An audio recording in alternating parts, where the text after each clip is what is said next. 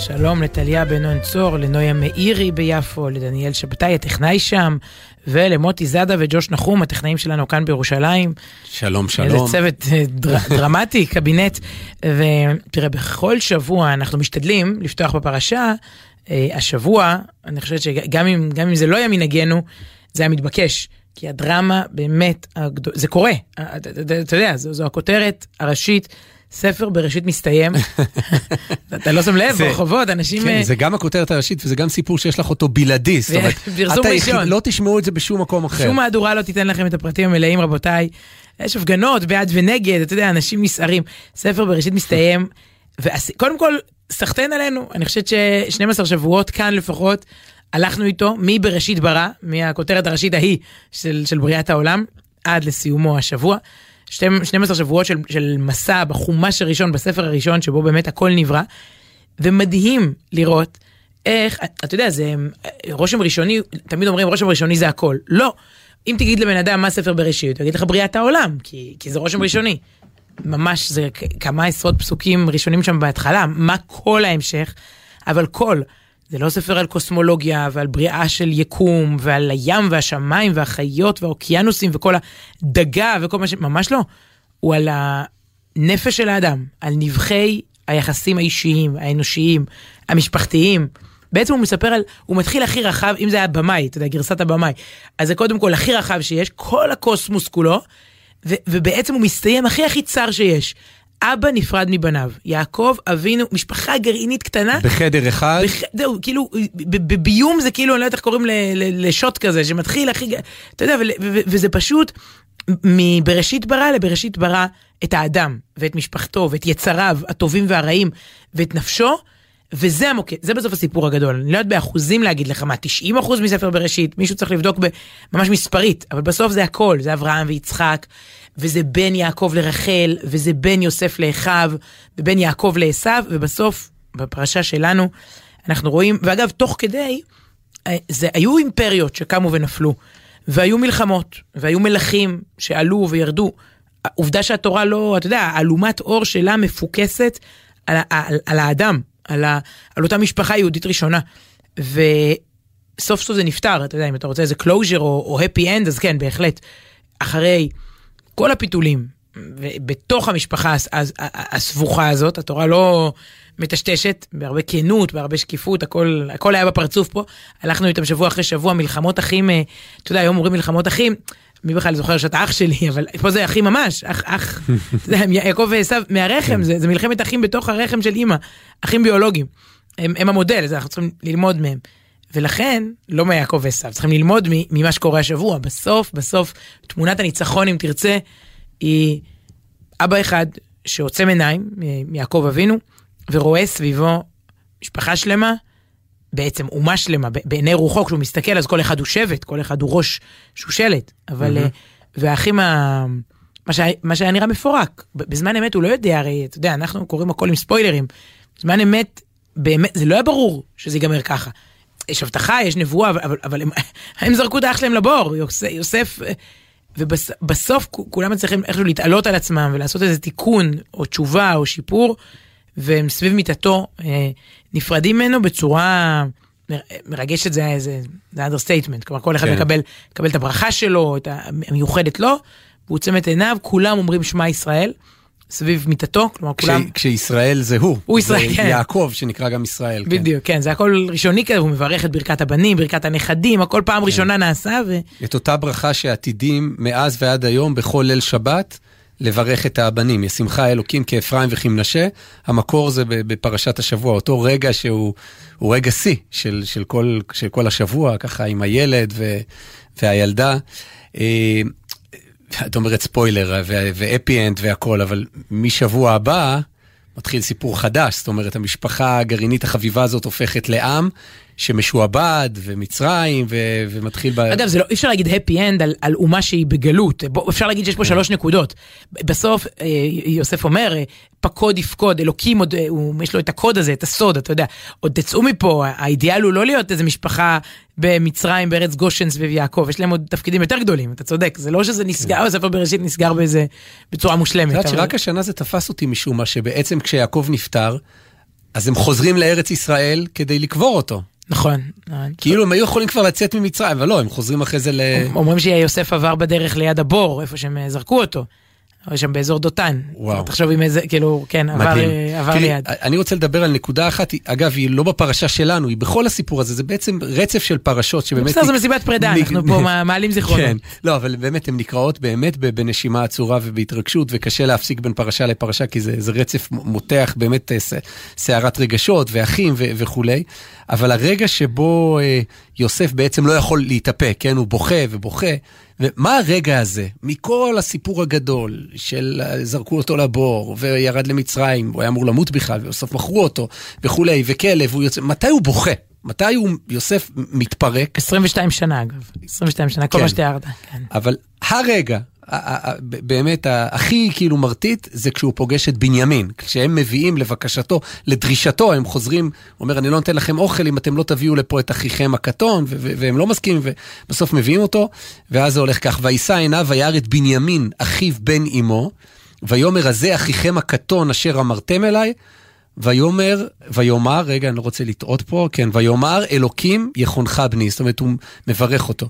ואז וימהר יוסף כי נכמרו רחמיו אל אחיו ויבקש לבכות ויבוא אחד החדרה ויבקשם הוא מתאפק לשנייה ובוכה בחדר. עכשיו עכשיו, כמו ילד שאתה הולך הצידה עם העיניים אדומות, כן, רגע רואים. שבכיתי, לא רואים כן, שבכיתי, אני כן. יכול לחזור, עיניים אדומות. יפה שבשבילך זה ילד, יש גם מבוגרים ש... אוי, זה קורה לך הרבה? אתה רוצה- לדבר אני על זה? מצליח להסתיר, אז את לא כן, יודעת. אבל אה, מה- מה זה כי נכמרו רחמיו? באמת, זאת אומרת, הוא התרגש, בסדר, הוא ראה אותו פעם ראשונה אחרי 22 שנה, אחיו הקטן, אבל היה שם עוד משהו שמאוד מאוד ריגש את... את יוסף, וזה אומרת הגמרא, ורש"י מביא את זה בפרשיות שלנו. אה, הוא שאל אותו, שואל יוסף את בנימין, יש לך אח מאם? כלומר, יש לך אח או שאתה... אז הוא אומר, אה, אח היה לי ואיני יודע היכן הוא. ושואל אותו יוסף, יש לך בנים?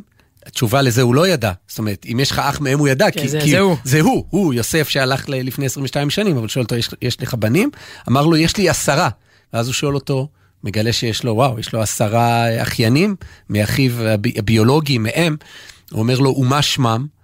ואז הוא מתחיל לתת לו את השמות, שמות מאוד מוזרים. ו, וכשיוסף אומר, מה, מה פשר השמות הללו, אז הוא מסביר לו על כל שם.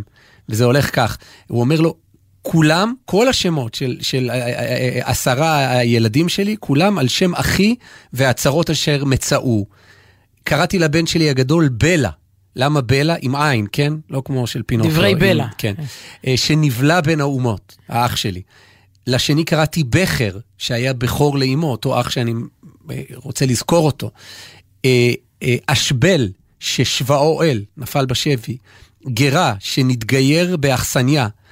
נעמן, שהיה נעים ביותר. יש פה שמות שיותר תפסו ופחות, כן? נעמן זה נשאר. יותר לוופלים, לא לא לא לאנשים, נעמן. נכון. זה יכול להיות סלוגן, נעמן שהיה נעים ביותר. כן. ופל אה, אז- אחי וראש, זה, זה שם אחד. אחי היה וראשי היה, אני חושב שזה שם אחד. מופים, מופים זה גם שם. מפי אבי למד. שוב, הכל על שם יוסף, וגם חופים שלא ראה חופתי ולא ראיתי אני חופתו. וואו. השם האחרון זה אה, ארד או ארד, אני לא יודע אם, אם זה שבא, טוב, זה שם שלא נפוץ, יש שם שבא, אני לא יודע אם הוא נע או נח, אבל בכל אופן, למה, מה השורש הזה של א' ר' ד', שירד לבין האומות.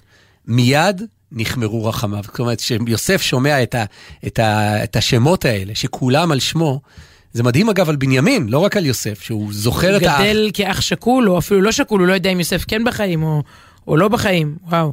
והנה, כל זה, שוב, זה, זה נראה בלתי אפשרי לתיקון, אנחנו יודעים על משפחות, ושוב, זה לא סיפור היסטורי. משפחות, סכסוכים משפחתיים, אנשים שעד היום, שלא מדברים בין אחים, בין הורים לילדים, וזה מראה שזה זה אפשרי, אפשר לתקן, יש פה...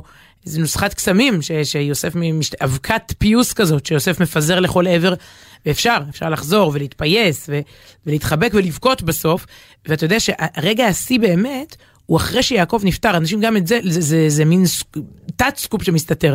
גם אחרי שיעקב נפטר, הם, הם עוד באים אליו האחים, ואומרים לו, אבא אמר שלא תעשה לנו כלום. אתה מכיר את זה? שבעצם הם עדיין לא בטוחים. שיוסף מחל. חשבו שכל זה היה רק כי האבא בחיים, אז לא נעים ממנו. הוא לא יהרוג אותנו, כי יעקב בחיים, אבל הנה עכשיו יעקב, וואי וואי, עכשיו הוא יתנקם בנו. כן. ופה, אגב, כילד, שוב, כילד, הכוונה בקריאה ראשונה של, של הפרשה הזאת, זה תמיד כאילו, זה היה עוד, עוד שיא דרמטי אחרי שכאילו כבר נגמר הסיפור באמת, ואמרת פה יפה שהם מאוחדים, והאבא עוצם את העיניים והכל, אבל פתאום רגע אחרי אומרים, רגע, עכשיו הוא יתקע אותנו, עכשיו בדיוק. זה יקרה. ו- וזה מאוד הרשים, את יודעת, מאוד... נכון.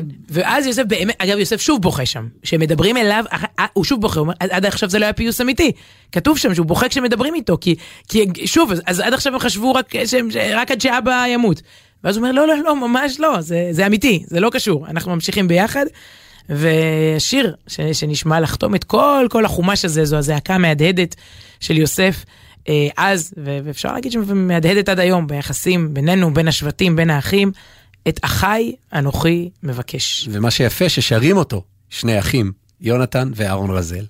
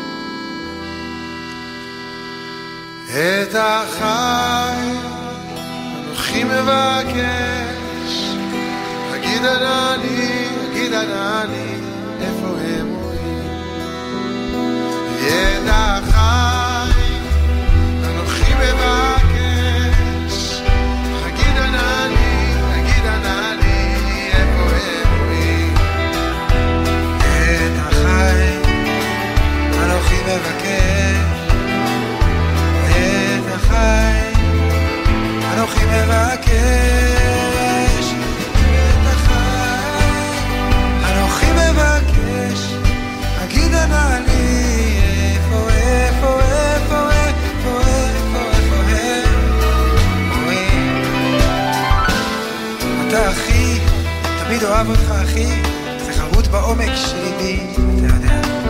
אחים אנחנו, אף שלא הלכנו, כבשנו אותם שבילים. ואף שיש בי כבר מילים שאתה אינך מבין, כאותם זרמים בים שסחפונו לכיוונים שונים. שינית את מראך, משמיע את קולך, אותך אשמע את החי. אנוכי מבקש, אגיד אנא לי, אגיד אנא לי, ואיפה הם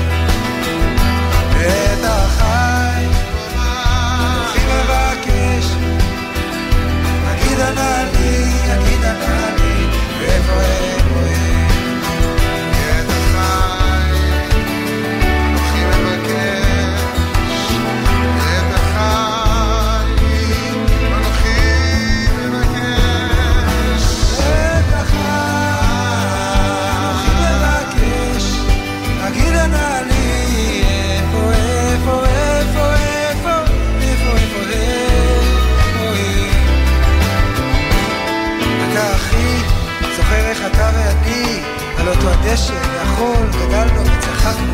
היום בתרמילנו אין אותם ספרים על שפתותינו. לא אותם הפזמונים אך בסוף היום.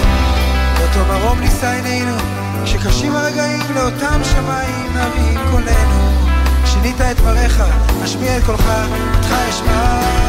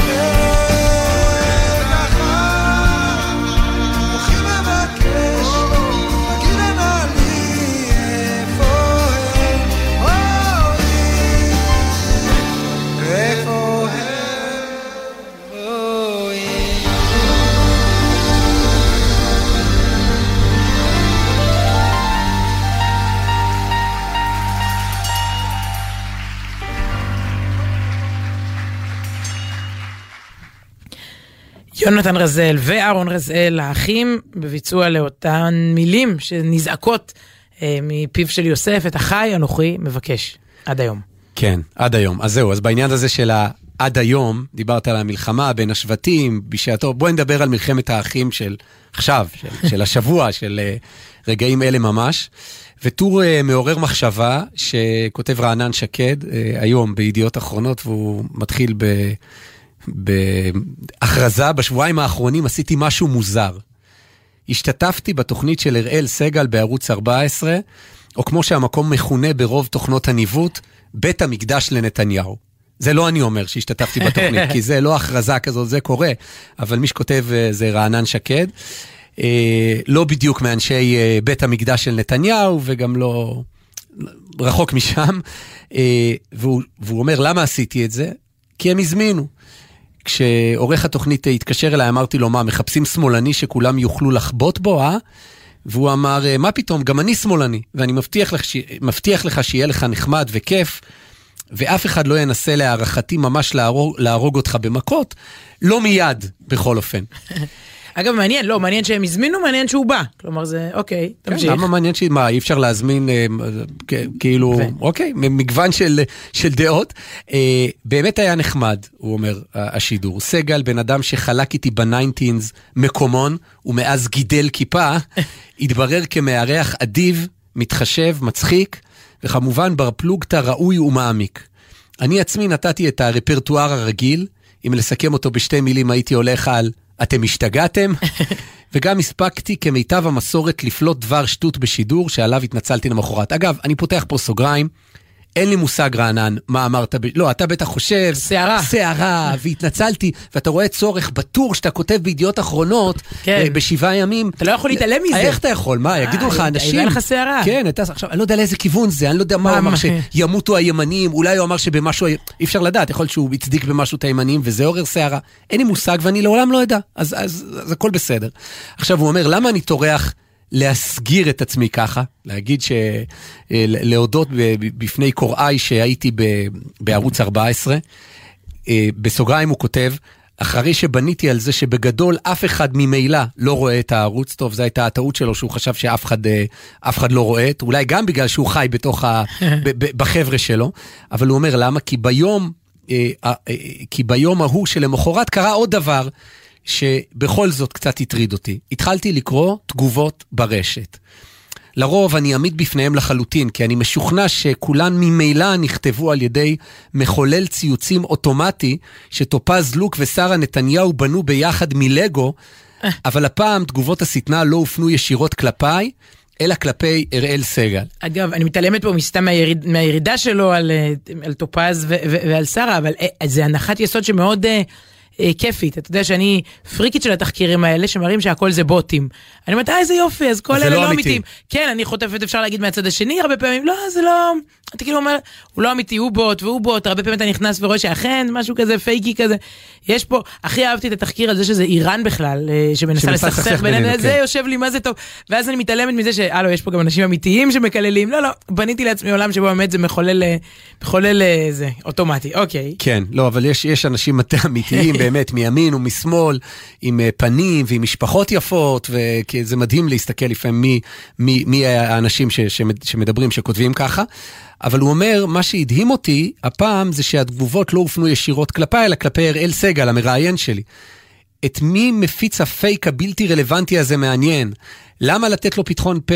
או איך שראיתי שהוא מתארח העברתי ערוץ, או בשביל לראות אנשים כאלה יש מספיק ערוצים, לא בשביל זה אני פותחת את ערוץ 14. טוב, תגובות יחסית מתונות בסגנון. או שהוא לא צידד את ה... באמת, כן. אוקיי. אה, אז, אז עכשיו הוא, הוא, הוא, יש לו תיאוריה שאנשים, אה, תיאוריה שאני לא שולל אגב, שאנשים באים לראות ערוץ 14 כי הם רוצים לראות אנשים ש, שחושבים כמוהם, שאפילו אה, מעודדים את צורת המחשבה שלהם ו, וכולי וכולי, וטוב, זה די ברור כי, כי הרבה שנים... שנים לא היה להם ערוץ כזה ש, שחושב כמוהם, אבל אני מדלג הלאה במאמר של, של רענן שקד. הוא אומר, הייתי מנסה לטעון שצופי ערוץ 14 פשוט לא מסוגלים בשלב הזה לשמוע שום דעה שונה משלהם.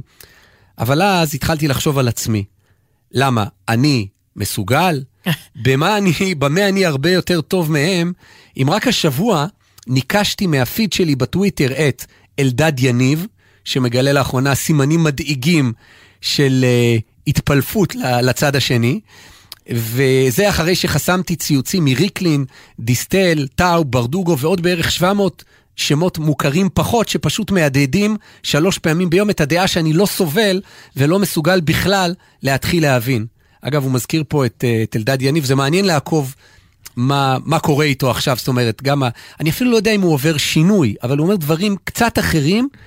ווואו, הנה, את רואה, הוא אומר, חסמתי אותו. עזוב אלדד אלדד יניב, אפשר לכתוב דוקטורט על עינב גלילי. עינב גלילי אמרה, וואו, דבר וואו, נורא וואו. נורא פשוט, היא אמרה אני שמאל, חילוני, אה, על מלא. אני לא רואה את עצמי ואת אה, בל"ד באותו גוש. נפתחו עליה שערי הגיהנום. עכשיו... שלא לומר גהנם. זהו, עכשיו, כאילו, אה, היא- את מחוקה. אם תפסיקו לספור את הקולות, הרי את הספירת גושים הזאת, שגוש נתניהו הוא באמת גוש נתניהו, יש בתוכו באמת שוני, אגב, הוא, לא גוש, אחיד, אבל סופרים את כולם ביחד. עינב גליל לא מרגישה שזה אה, 100% חלק לספור את קולה, יחד עם, עם, עם קולות של תומכי, מה, תומכי? מנשקי ומחבקי מחבלי, ראינו אתמול, מש, משתחרר מחבל שרצח חייל אחרי כך, איזו קבלת פנים. וראאד סלאח. ו- כן, והיא לא, היא לא, היא, למה, הם- איך הם נקלעו בכלל לאותו, לאותה ספירת קולות? זה, זה כל מה שהיא אמרה. לא שינתה את דעותיה שלה, רק, אתה יודע, היא העירה על השכנים שלא נעים בעיניה, ואיך הם בכלל שכנים באותו בניין. וואי, וואי, וואי. כלומר, היכולת לשבור שורה, למצמץ במילימטר, זה אפילו לא עמדה מורכבת, בא לי להגיד לך, היא הביעה פה איזה עמדה מורכבת. תשמע, היא אמרה שמשהו במשפט נתניהו לא נראה לה, נחשפים כל כך הרבה מחדלים, איך, איך יכול להיות שגם הפרשנות למשפט נתניהו היא, היא נטו מפוזיציה, הרי נחשפים פה, פה אין, אין אף אחד שחושב אחרת, לא, לא, לא, לא, לא. היא לא אמרה משהו כזה, חלילה. כן. בסך הכל אמרה, זה מדהים היה לראות את ה... אפשר ממש לעשות באמת עבוד, עבודת דוקטורט על, אה, על קיבעונות. אז כן. תחזור רגע, תחזור לרענן, אוקיי. כן, להגיד משהו על משפט נתניהו או לחזור לרענן? לרענן. אוקיי, טוב. בטוח? לא, לא, כי אני יודעת מה אתה רוצה להגיד, אז... לא, אני, אני, איך את יודעת מה אני רוצה להגיד? לא, לא, דווקא לא דיברנו על זה, לא, אבל אני, שלא ייתכן שכתב אישום... לא, לא, לא ייתכן, לא, אני, אני, יש, אה, את יודעת, להביא, אני לא מבין באמת במשפטים ובכתבי אישום, אבל פתאום מגיעים סיפורים כאלה עסיסיים, במרכאות או לא במרכאות, ובהם אני כן מבין. כשאתה שומע שחוקרים את האימא בת ה-82 של, אני כבר לא זוכר אם זה אלוביץ' או, או. מישהו, או, או, או, כן, אחד, ה, ושרן, או אני, אני לא יודע, מי ש... אתה יודע, זה שמות שאתה אפילו לא יודע להג, להגיד, שרן או שרן, מרוב שלא עוסקים בזה, וחבל שלא עוסקים בזה, כי כל אזרח באמת מודאג, שה... זה, זה דבר שאמור להפחיד את כל אחד מאיתנו, באמת, ה, כשמדובר בעבירות של צווארון לבן, זאת אומרת, זה, אלה הפרופורציות, כן, לא, אין רוצח, פצצה מתקתקת או לא משהו. מחבל מתאבד. כן, ואתה רואה מה, מה עושים כאן, כאילו איזה, אה, עד לאיפה הולכים, ולמי הולכים, ולאיזה מעגלים משפחתיים, ואיך אנשים מסבכים אותי. התפרסם השבוע שידעו על התרגיל ש, שעשו לדובר של ראש הממשלה, שניר חפץ, זה, זה, כל עדה, אה, אזרח שוחר אה, חופש, צריך לפחד מהדברים האלה. אה, זה היום על נתניהו, מחר זה, אני לא רוצה להגיד עליכם, אתם צריכים להגיע לאיזה סוג של, של עשייה כדי להסתבך בדברים כאלה, אבל זה מאוד מפחיד. אני חוזר לרענן שקד, שאומר, אני אומר שצופי ערוץ 14 לא רוצים לשמוע דעה שונה, אבל אני שומע, הנה חסמתי את ההוא ואת ההוא ואת ההוא. אה, זה מעגל מרושע כמובן, כי אחת הסיבות שאני לא, שאני לא מסוגל בכלל להבין היא שאני כבר לא מוכן לשמוע, בדיוק כפי שצופי ערוץ 14 לא מוכנים לשמוע אותי. אין בזה חידוש. כולנו חיים עכשיו בתוך תיבות התעודה שיצרנו לעצמנו. ותודה לכן, רשתות חברתיות, על שנתתן לנו את הכלים לבנות לעצמנו את הכלובים האלה. אנחנו גוללים בשמחה אין ספור פוסטים וציוצים של אנשים שמרגישים וחושבים בול כמונו, תוך שאנחנו חוסמים בתיעוב מסתננים שמשמיעים בדרך בלתי נסבלת כמובן את העמדה ההפוכה. וזה זה מאוד מעניין, אני חושב שאת, זה, זה משפט שאת נמצאת שהאדם הוא תבנית נוף פידו, זאת אומרת, אחיד. צ'רניחובסקי כתב שהאדם הוא תבנית נוף, אה, נוף מולדתו. כן, זה- אדם- את זה אני יודע. אדם הוא תבנית נוף מולדתו, אבל מה זה מולדתו היום? האדם, האדם יושב מול המסך, הוא לא יוצא לשדות. ואז אמרתי לא, פה, אבל יש איזה אש- האדם הוא אשליה- תבנית נוף הפיד שלו, והוא מרגיש... איזה חופש... כולם. אה, זהו, זה, זה, לכאורה מה זאת אומרת, צוקרברג, יש פה חופש ביטוי, מסין ועד, מהודו ועד כוש, כולם חושבים כמוני. לא חמוד, אתה חי בתוך האקו צ'יימבר שלך, בתוך ה... ואתה, את, גם האלגוריתם מחולל לך את זה, וגם אתה מתח, מתחזק את זה יותר. אני לא אשכח, פה, פה בגלי צה"ל, לפני שנים, שנים, שנים, מישהי שכבר לא עובדת כאן, הייתה פה בחירה מאוד. אתה זוכר, אחרי אחת ממערכות הבחירות, אני מדברת כן. איתך שנים אחורה, היא אמרה לנו, אתה זוכר את המשפט? זה היה... אה, כ- כולם מצביעים מרץ? לא. איך למרץ אין 80 מנדטים? אישה נחמדה, מקסימה, כאילו, והיא אומרת את זה לנו ב... אתה יודע, במין תסכול כזה שלה. איך למרץ אין 80 מנדטים? כל הפיד שלי. כן. עכשיו תשמעי, כל אחד, ו- ו- אדם הוא ש- נוף. אני. שמעתי שבוע שעבר בתוכנית החביבה שאחרינו, שמישהו אמר שם, אני לא זוכר אם זה דטנר או יודע, שכולם עכשיו מדברים על לרדת מהארץ. אמרתי, מעניין? אני דווקא שומע על אנשים שרוצים לעלות לארץ, אני לא יודע, כולם רוצים עכשיו להגיע. בכל אופן, הוא אומר, אה, איזון? מה פתאום, זה הפיד שלי, ואני אעיף ממנו כמה, אה, אה, אה, אני, אני אעיף ממנו אנשים עם אבחר, ואין לי שום חשק להעביר את הזמן הלא פנוי שלי ברשת חברתית שלא עוזרת לי להרגיש הכי צודק והכי חכם בעולם. והדבר הזה זולג באופן טבעי הלאה. היי, אם הרשת שלי חושבת בול כמוני, למה שהטלוויזיה שלי לא תחשוב בול כמוני? למה שהעיתון שלי לא יחשוב בול כמוני? למה שהמקרר שלי, הוא עובר כבר לכל החפצים. הח- החשמליים הטוסט- בבית. הטוסטר חייב להיות, אבל כן. אה, אני הוא ד- דווקא הייתי מתמקד ברשתות. המטרה אינה, לדעתי, וזה לא יעשה טוב, לא ללחץ אדם שלו, ובכלל לא לשיח, דיוני אה, ציוצים כאלה, זה לא, לא זה זה לא מה ש- דיונים, זה מלחמות. דיונים, כן, השתמשתי במילה. לא, זה, זה שיח אמיתי, כאילו, אני חושבת שיותר, אמיתי אמיתי, של משפט, בכלל אנחנו יודעים לנהל כזה שיח, להגיד משפט, להקשיב שהשני יסיים את המשפט שלו, לענות לו, לדבר. להכיר, כלומר, יש פה משהו שהוא... הישועה לא תבוא אם הוא יפתח, יפתח את כל אלה שהוא חסם, אתה יודע, יבטל את החסם, זה לא ה... אוקיי, תמשיך. ותיבת התעודה דואגת לא רק להשאיר אותנו משוכנעים בצדקתנו הנצחית, אלא גם לחדד עבורנו, אלא גם לא לחדד עבורנו שום כלי דיון או טיעון משמעותי מול הצד השני, כי ממילא החלשנו אותו עד לאלימות גמור, גמורה. אנחנו גוללים או צופים כשידינו על אוזנינו, תוך שאנחנו גויים נה נה נה נה, לא יודע, כאילו, לא, לא רוצים, לא מוכנים. לא בא לנו לשמוע שום דבר שלא מתיישר עם עמדותינו האולטימטיביות, שאין בכלל טעם לנסות לחלוק עליהם. ואנחנו מסוגלים עכשיו, יותר מאי פעם בעבר, לדאוג לזה ששום גורם זר לא יחדור את מסך תודעתנו. מצמצמים במודע את שדה הראייה לכדי חרך צר, שבו נרגיש הכי בבית, הכי בחברת אנשים כמונו.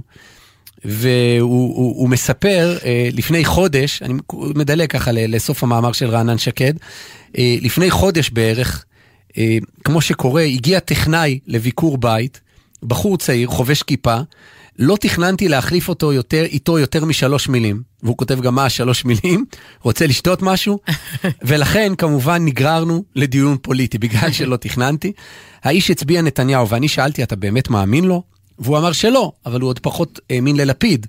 והרג אותו של- כשלפיד העביר ללבנון חתיכת ים קטנה, והורג אותו הסיכוי לה- להיהרג בפיגוע ברחוב, ובן גביר פחות מפחיד אותו מאבו שחאדה, ודיברנו על הדברים האלה קצת, לא הסכמנו על אף אחד מהם, אבל דיברנו וואי, ושמחנו. שוב, לא בפיד, ב- בסלון שלו. במציאות, במציאות. על הכוס מים שהוא הביא לו. כן, פתאום הגיע אליו הביתה, נחת לו איזה אה. דוס ימני, ואולי הטלוויזיה התקלקלה בשביל שזה יקרה, אה. את יודעת.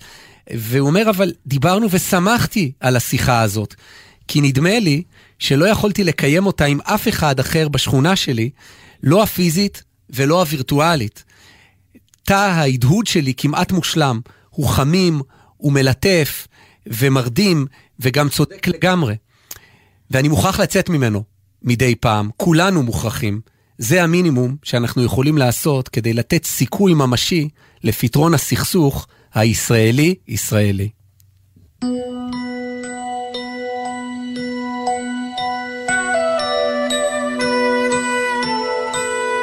אור עולה בבוקר על אגם רחוק, זוכרת, כן, אני זוכרת, ולא אחדל ולא אשתוק. אור שמבשר את ההשכמה והזריחה זוכרת רק לראות עוד פעם יותר מזה איני צריכה.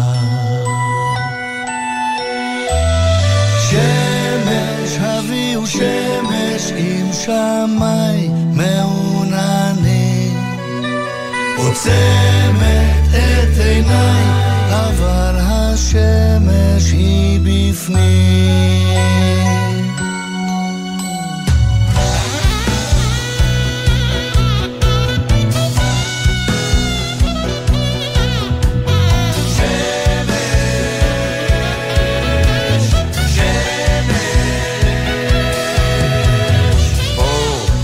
בצהריים על האדמה זוכרת על חלקת המים ועל שתיל ועל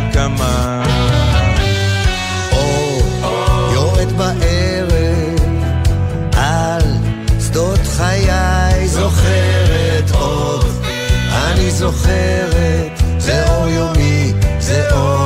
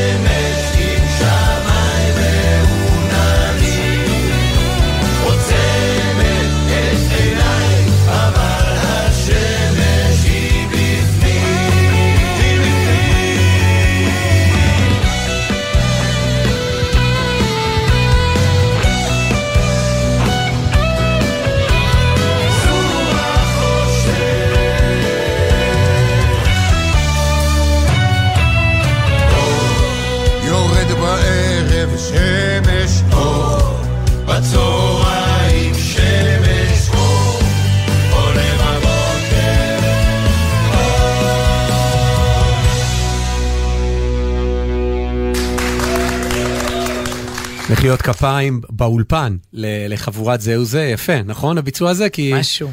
אני שומר אותו כבר, את יודעת ממתי. טוב, זה לא הרבה אחורה. שמת לב שבאמצע הם מרפררים לסור החושך, כי זה מחנוכה. שרו אה. את השיר הזה אה, בחנוכה. רגע, מה אתה... נכון. אתה יודע כמה זמן אני שומרת פה דברים שלעולם לא ישודרו. מחנוכה שנה שעברה, לא, אבל באמת ה... ההגשה, שמעתי מישהו שאומר השבוע שהם עושים הרמוניות מאוד יפות, הזהו זה, אבל תכלס, תנו לגידי לשיר, כי, כי הוא הזמר, גידי גוב, הוא, הוא הזמר וכל היתר. לא, לא, לא, זה טעות מרה, מה פתאום, לשמוע, ההפך. כן. לשמוע את ברבא שר, סליחה על ההתלהבות, את מסתכלת עליי במבט. לא, לא, מה פתאום. לא. קודם כל, לי אני כל אוהב דבר לשמוע... מזכיר פרסומת, איך קוראים לו? דובלה זה בכלל פרסומת לדפי זהב בילדותי. כל, כל, זה הוא עשה, הקולות שלהם, כל אחד מזכיר לי, אתה יודע, כאילו... זה, זה העניין, רגע, קודם כל לשמוע אדם בן, סבא. בן 70 שר, זה מרגש. לא משנה, הוא יכול לא, אם הוא מזייף אז זה מביך. אבל הוא מביא 70 שנה איתו. מה, הוא איזה זמר, איזה זמיר בלהקה צבאית שיש לו קול נורא יפה, זה, אתה, אתה מביא את האישיות. אה, לא כל שכן שכל אחד הוא, זה, זה הבבא בובה וזה, כן. אבל אה, לא, זה מאוד מאוד, אה, השירים שלהם מאוד מרגשים, ו, וזה בפרט, רגע, עשיתי אפילו איזה תחקיר קטן על זה, אבל נראה לי שאת רצית לומר משהו. לא, אני, נו, נו, יש פה את הפזמון, את העוצמת את עיניי, אבל השמש היא, היא בפנים. ונעמי שם הפעם, היה, הפסנתר שלה היה במקום אפל בבית, אה, בלי, לא ליד חלון. Mm. ו- ו- ויש לה המון אור והמון שמש ביצירה. והיא אמרה פעם שהגיע אליה הביתה איזה מישהו, מישהו מהתעשייה, והוא מאוד התפלא שהפסנתר שעליו היא כותבת את כל השירים, הוא נמצא באזור אפל, לא ליד חלון. ואז היא אמרה לו, משם מגיעה השורה הזאת, לא, לא, כשאני כותבת, אני, אני עוצמת את עיניי, השמש היא בפנים. וואו. אז זה ככה... כן, איזה יופי. אה, זהו, אז אני הסתכלתי, הגעתי לאתר, סליחה אם זה בורות שלא הכרתי אותו עד היום, שנקרא שירו, סביבת לימוד לשירת המקהלה. עשיתי גוגל על אור והוא הביא אותי לשם. עכשיו זה באמת למקהלה, נותנים שם הרמוניות וכולי, וניתוחים, מאפיינים מוזיקליים של השיר הזה, למשל, מנעד מנגינת השיר. תחום, תחום באוקטבה, טוב אני אקרא את זה, לא טוב אני כותב, אבל זה באוקטבה אחת, כל מיני דברים שרלוונטיים לשירה בציבור ולכל ראשון ושני ושלישי, אבל גם נותנים רקע, אה, או כמו שהם קוראים לזה, מאפיינים טקסטואליים. אז קודם כל, המילים והלחן נכתבו על ידי נעמי שמר בשנת 88, דווקא יחסית אחד השירים היותר מאוחרים שלה, לאלבומו, לאלבומה האחרון של שושנה דמארי, ונעמי שמר, וזה מעניין כי זה רלוונטי לביצוע ששמענו עכשיו, נעמי שמר התכוונה שזה יהיה שיר איטי ושקט. אבל מתי כספי שאיבד את שירי האלבום כולו, הקנה לו אופי קצבי וחגיגי יותר. שמר לא התלהבה מן התפנית שקיבל השיר ואף התלוננה על כך באוזניו של דודו אלהרר, מפיק האלבום. אבל בהמשך, כשראתה שהשיר הפך ללהיט ענק, התאהבה בו מחדש. עכשיו, בביצוע שהחבר'ה פה מזהו זה שרים, הוא מתחיל, ב... החזירו אה, עטרה ליושנה, זה מתחיל בקצב האיטי, כפי שהשיר הולחן. אה, לנו מוזר לשמוע את זה בקצב איטי, אבל זה, זה המקור. עכשיו, לגבי הטקסט, אז ככה, הם אומרים, כל הטקסט כתוב בגוף ראשון יחיד ובלשון נקבה. פה זה בולט, זמרים שרים ואומרת, כן. עוצמת. מה שמבליט את הקשר לכותבת עצמה, נעמי שמר, שמביאה כאן שיר עם ניחוח אוטוביוגרפי. הטקסט מורכב מארבעה בתים ופזמון חוזר, ובסיום קודה. קודה זה כאילו הזנב של השיר. כל אחד מהבתים נפתח במילים אור, נכון? כן. ומשלב, לא, לא, כאילו לא, כשאתה שר את זה וזה, אתה לא, לא אם אתה שר את זה בכלל, כן, אבל אתה לא בדיוק חושב. אז אומרים ככה, כל אחד מהבתים נפתח במילה אור ומתאר שלב ביממה, אם כי באופן סמלי גם שלב בחייה של הכותבת. איך זה מתחיל? אור שמבשר את הש- ההשכמה והזריחה, זה הבוקר. אה, אור בצהריים, אחר כך אה, אור יורד בערב על שדות חיי. עוד אני זוכרת, זה אור יומי, זה אור ימיי, זאת אומרת, זה לא רק הבוקר, צהריים, ערב, זה, זה הרוב ימיי. והפזמון קורא לבואה של השמש כסמל האור. הקריאה מקבלת משנה תוקף מן החזרה על המילה שמש שלוש פעמים, וגם בלשון ציווי, זאת אומרת, זה לא רק שמש, שמש, אלא שמש, הביאו שמש. ממש קריאה כזאת עם סימן קריאה. ונראה כי המשפט החותם את הפזמון הוא למעשה המסר החשוב שמבקשת המשוררת להעביר, עוצמת את עיניי, אבל השמש היא בפנים. כלומר, האור האמיתי המלווה אותנו לאורך חיינו הוא האור הפנימי, האור שאנחנו מייצרים בתוכנו. וזה עם הסיפור היפה שאת אמרת ולא הכרתי עכשיו על, ה, על, ה, על הפסנתר שהיה. כן, אתה- אתה- אגב, אומרים, אתה יודע איזה מכה שברה את פרעה? אנחנו הרי ערב אמרת, נפרדנו מספר בראשית, מתחילים ספר שמות, המכות. תראה שם את התגובה שלו, אני לא יכולה עכשיו להוציא את זה בשלוף, למכת חושך, שאין אור. כשהשמש לא זורחת בבוקר, אולי זה מה זה, הוא ששר לעצמו פרעה. אביהו שמש, שמיים מעוננים, שמש, שמש. אבל הוא בטח גם אמר. מה אם הביאו מים כן, או צפרדעים, כן. תגרשו בו, כן. אבל לא, זה משהו מיוחד שם, כשאין אור. טוב, אה, אבל נסיים, וזה זה באמת נקודה ש, ש, שלא חשבתי עליה בשיר, איך הוא נגמר, אותה קודה, כן, הזנב של השיר. מה המילים? יש לנו אה, את האור עולה בבוקר, יש לנו צהריים, יש לנו ערב, ובסוף, אחרי הפזמון, שהשיר אה, ככה, אה, הקצב יורד, אור, יור, אור יורד בערב, אור בצהריים, אור עולה בבוקר. אז הם אומרים, הקודה מביאה כסיכום את הזמנים ביום, אם כי הפעם בסדר כרונולוגי הפוך. אה. ערב, צהריים ולבסוף הבוקר, עם השמש הזורחת, שזה הנכון, שמקנה מחושך לאור, לא מאור מקנה מאור לשיר לחושך. סיום אופטימי. וואו. זה, זה הרעיון. ואת הכל אתה שומע מחנוכה, חג האור. כן, אז שים לב. כן, אני, אני חושב עכשיו, אני מסתכל עלייך, אני אגיד זה בזהירות רבה, שאולי נשמע את השיר עוד פעם, כאילו, זה, זה בזבוז לא לשמוע אותו עכשיו עכשיו אחרי... שמבינים אותו. כן, בסדר, יש אישור. אני עוצמת את עיניי ושמה, ונשים קדימה, לשיר שוב. מוטי. קדימה.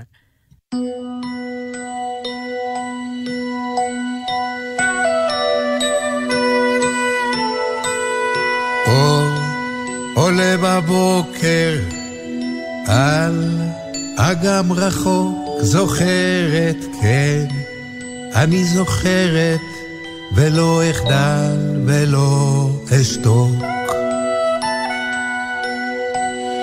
אור שמבשר את ההשכמה והזריחה, זוכרת רק לראות עוד פעם, יותר מזה איני צריכה.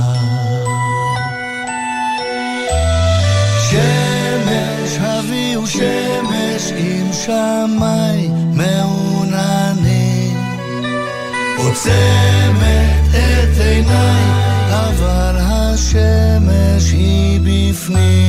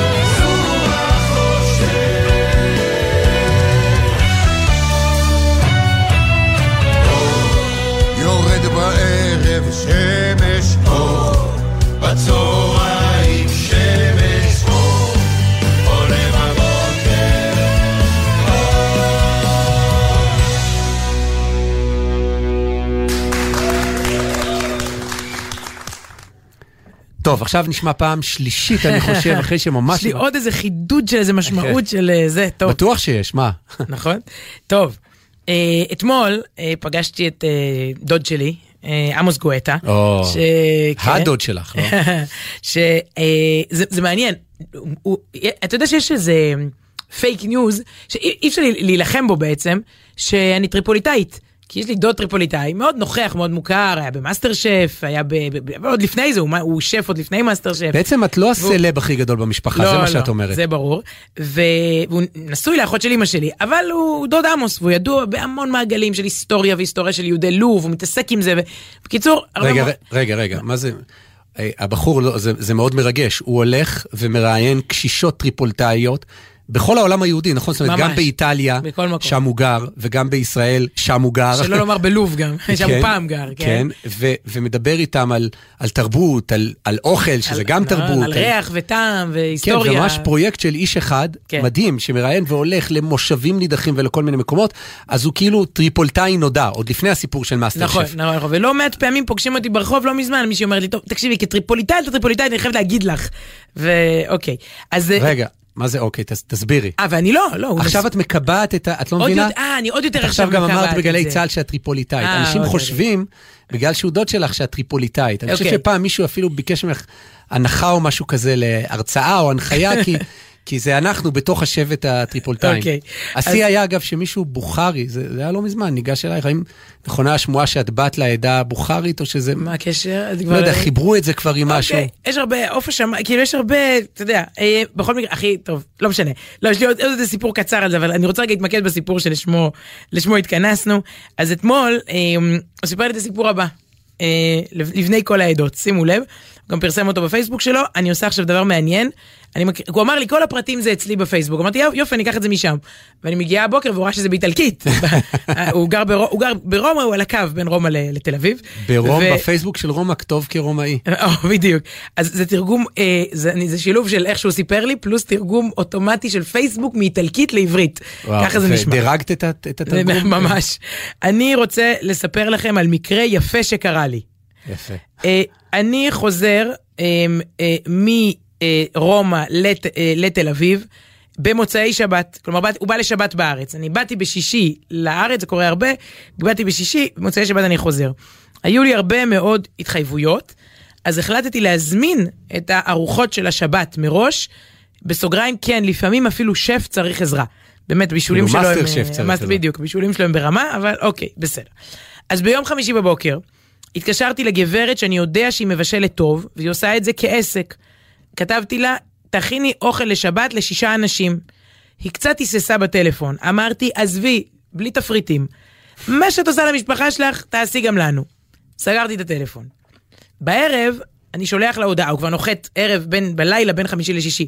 אני שולח הודעה ומבקש אותה לעדכן אותי. ואגב, עד עד כאן התרגום מצוין. והיא עונה, לעדכן אותך במה? ונרדמתי. ביום שישי בבוקר, אני כותב, מתי לבוא לאסוף את האוכל? והיא אומרת, עמוס, זאת חייבת להיות טעות. תבדוק טוב, כי לא יהיה לך אוכל לשבת. לא הכנתי לך כלום, כי לא הזמנת כלום. אני חוזר לטלפון, הולך אחורה, ומחפש את המספר שהתקשרתי אליו, ואני מגלה שזה אישה אחרת. לזאת קוראים מלכה, ולזאת קוראים מלכה. שתיהן שמורות אצלו בתור רגע, מלכה. ומי זאת המלכה שהוא התקשר אליה? קייטרינג אחר? אז לא, יש מלכה אחת שהיא קייטרינג. יש מלכה אחרת שהיא לא קייטרינג. אוקיי? אז אני מתקשר אליה מהר ומתנצל, כי אני בכלל לא זוכר איך דיברתי איתה. אולי דיברתי איתה בצורה לא הוא- הוא מנומסת. כאילו מתקשר לאיזה מלכה ואומר לה, תכיני לי כן, שבת. שלום, זה עמוס גואטה, תכיני לי אוכל לשבת. ואני מתחיל להסביר לה את אי ההבנה, שחשבתי שיש לה עסק, יש לה קייטרינג, אני לא סתם אה, מצווה עליה להכין לי אוכל לשבת. ואז היא עונה לי במתיקות, אבל חשבתי שאתה רוצה לתת לי כבוד, ולטעום את האוכל שלי לשבת. בכל מקרה, אל תדאג, אני עוד מעט שולחת לך כתובת ושעה מתי לבוא לאסוף.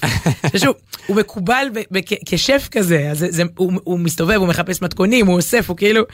הוא אומר, "נ- נדהמתי מרוב הערצה. מתברר שלפני שלוש שנים אני ראיינתי אותה על בישולי טריפולי, והיא בשלל הסרטונים שלי ביוטיוב. קוראים לה מלכה ג'יאן, ג'יאן שמש, היא, ממוצא, היא מבנגזי במקור, בלוב, והיום היא מתגוררת בחולון. בחולון. אני מגיע ואוסף אוכל בשפע, לחם תוצרת בית, קוסקוס, מפרומה, כל מעדן וכמובן קינוחים. אפשר לקבל את הטלפון של זה המלכה. לא קייטרינג הזאת? כן. הוא אומר, תראו מה זה, אישה יהודייה שהולכת לשבת מתוך אהבה ומתוך נדיבות. מאוד מאוד התעקשתי לשלם, לפחות על החומרי גלם, זה בסוף סיפור לא נעים, אבל היא לא רצתה לקבל כלום. תודה למלכה הצדיקה. מה אתה אומר? שמלכה צדיקה, צדיקה יעילה גם. אוקיי. אפשר לקחת, אפשר, אנשים יכולים להגיד, זה, זה ניצול, זה פה, זה שזה הפוך, אני חושבת שזה זה אי הבנה שיכולה להיות מעליבה נורא, או יכולה להיות, אה, זה, אני חושבת ש... שבקיצור, אני, אהבתי. יפה, גם אני אהבתי, ונראה לי שלא מזל. שהוא לא עשה את זה איתי, כי הוא היה מקבל אה, פריחיות עם קוטג' בארגז. כן. טוב, נראה לי שהשיר שנשמע עכשיו הוא שיר כזה ש... שמתאים, כי הוא מסכם את הפאשלות שקורות. ואת המתח, ואת ה... כל הבלגנים של, של עכשיו. שידור חי של יום שישי רגע לפני שבת ופתאום זה נשרף והילד דורך על הספונג'ה ופתאום בקבוק אה, יין נשפך אחרי הספונג'ה וכולי וכולי. האמת שזה מגיע עם קליפ, צריך לראות את זה, אבל השמענו את זה כמה, כמה פעמים פה מוטי וייס שר. אה, ובעצם המסר הוא ש, שהכל לכבוד שבת, זאת אומרת גם כש...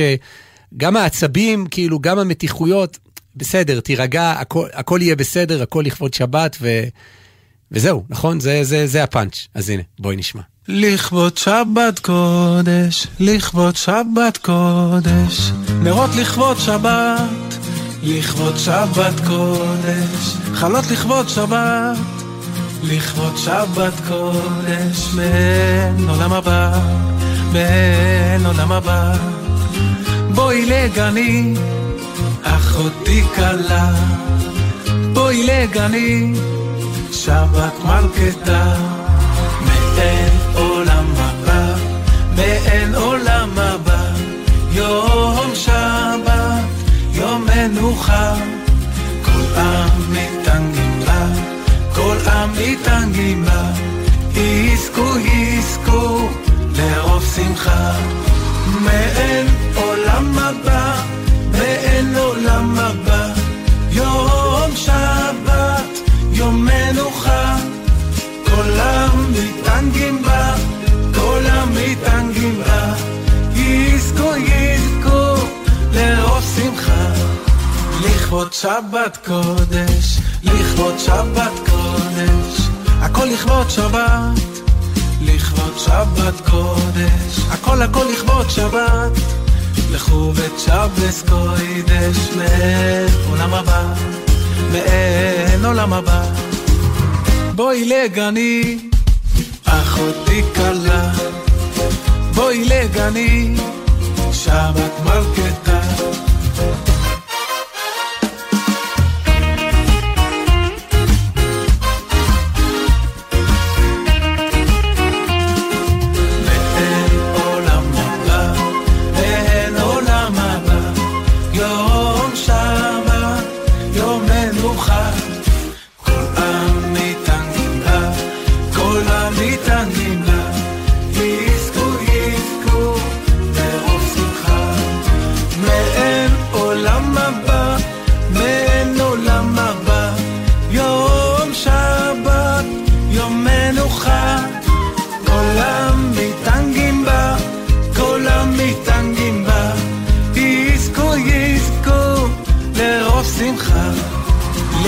שבת קודש, לכבוד שבת קודש, זמירות לכבוד שבת, לכבוד שבת קודש, הכל לכבוד שבת, לכבוד שבת קודש.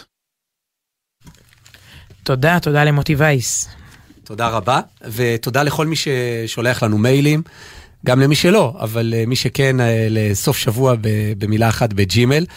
ואחד מהם, אחד מתוך אה, אלפים, עשרות אלפים, אה, הוא יובל לוינגר, והוא כותב לנו בעקבות אה, שבוע שעבר, דיברנו כאן על השבעה, את זוכרת, הדברים המרגשים והכנים שכתב אייל לינור, אח של עירית לינור, אחרי השבעה שלהם, שהוא אומר, אנשים עושים, לא באים לנחם אבלים, יש להם איזה מין משוואה כזאת, הם מכניסים נתונים כמה שנים, לפני כמה שנים היינו בקשר, וכמה, וכמה שנים היינו בקשר, טוב, אז לא צריך.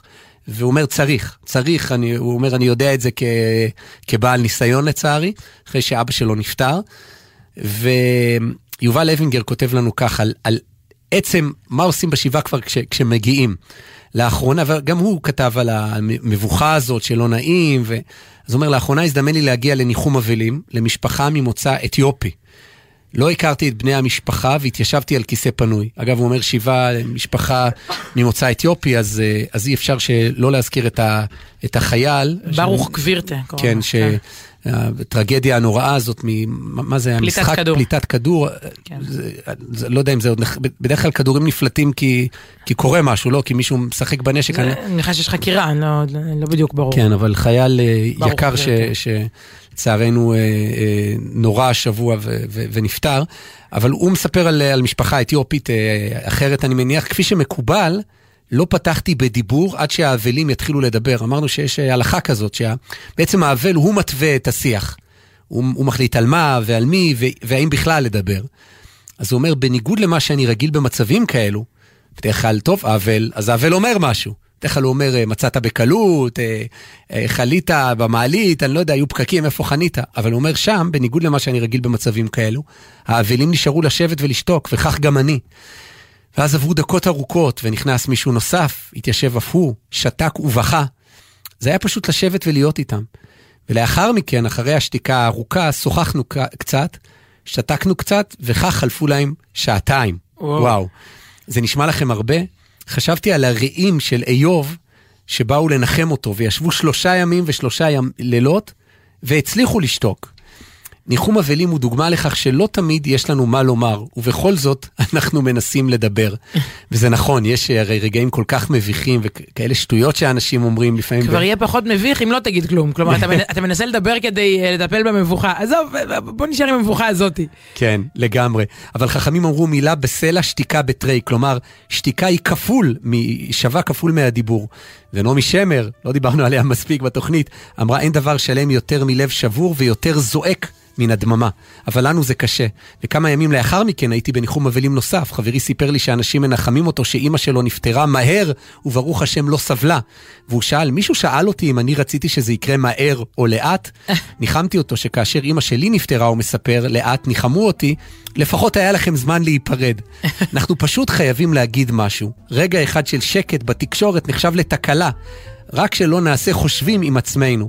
אז במקום כל הזמן לברוח מהשקט, אני מציע פשוט לא להיבהל ממנו. אנחנו לא נותנים את המקום לשקט ומנסים להגיב שוב ושוב. מוות מלמד אותנו קצת על החיים, ומלמד אותנו שפשוט אפשר לשתוק. אז הנה גם אנחנו נשתוק קצת. תודה רבה, מוטי זאדה, ג'וש נחום, טליה בן צור, נויה מאירי, דניאל שבתאי, סוף שבוע בג'ימל, כתובת המייל שלנו, כתבו לנו, שבת שלום. שבת שלום.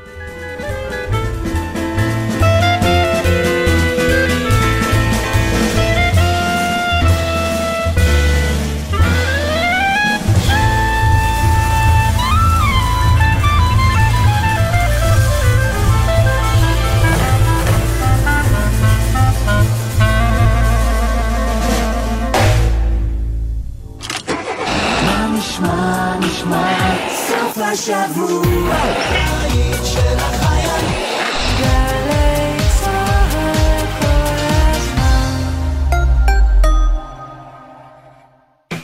לתלמידות ותלמידים מחוננים ומצטיינים בכיתות ח' וט', ילדיכם חולמים לחקור ולגלות את העתיד? עכשיו, יש להם הזדמנות להשתלב בעולם המרתק של האקדמיה, ללמוד ולחקור עם מיטב החוקרים והמדענים בתוכניות למחוננים ומצטיינים של משרד החינוך ומרכז מדעני העתיד של קרן מימונידיס. ההרשמה מסתיימת ב-15 בינואר. חפשו ברשת, מרכז מדעני העתיד. שלום. שמי טלי יוגב, ואני סטודנט לתואר ראשון במנהל עסקים עם התמחות בחשבונאות באוניברסיטת רייכמן. העולם משתנה מהר, ומי שלא יקבל הכשרה מתאימה, יישאר מאחור. אתם מוזמנים לשמוע על תוכניות הלימוד הבין-תחומיות שנועדו להכין אתכם לאתגרי המחר. יום פתוח לתואר ראשון, שישי, 13 בינואר, 9 בבוקר, באוניברסיטת רייכמן, האוניברסיטה הפרטית היחידה בישראל. אחותי, על מה את מסתכלת? שימי לב לכביש. כאן רבת קריסטינה וידצקה, שוטרת צבאית מהיחידה המרכזית לפיקוח תעבורה. אני יודעת שיש לך הרבה להספיק, כי יצאת הביתה רק לכמה ימים. אבל בחייך, כשאת על הכביש, שימי את הטלפון בצד והתרכזי בנהיגה. אין הודעה חשובה מספיק ששווה את החיים שלך. את הווייז אפילו לפני הנסיעה, ואל תתני לשום דבר להסיט את העיניים שלך מהכביש. כי בשנייה אחת אפשר לאבד שליטה על הרכב ולהיפגע. אני סומכת עלייך אחותי. גם אני מחויבת לאנשים שבדרך עם הרלב"ד.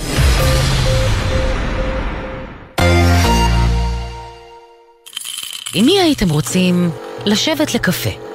קפה כזה של שבת בבוקר. ברגע של נחת, שאפשר לדבר על הכל.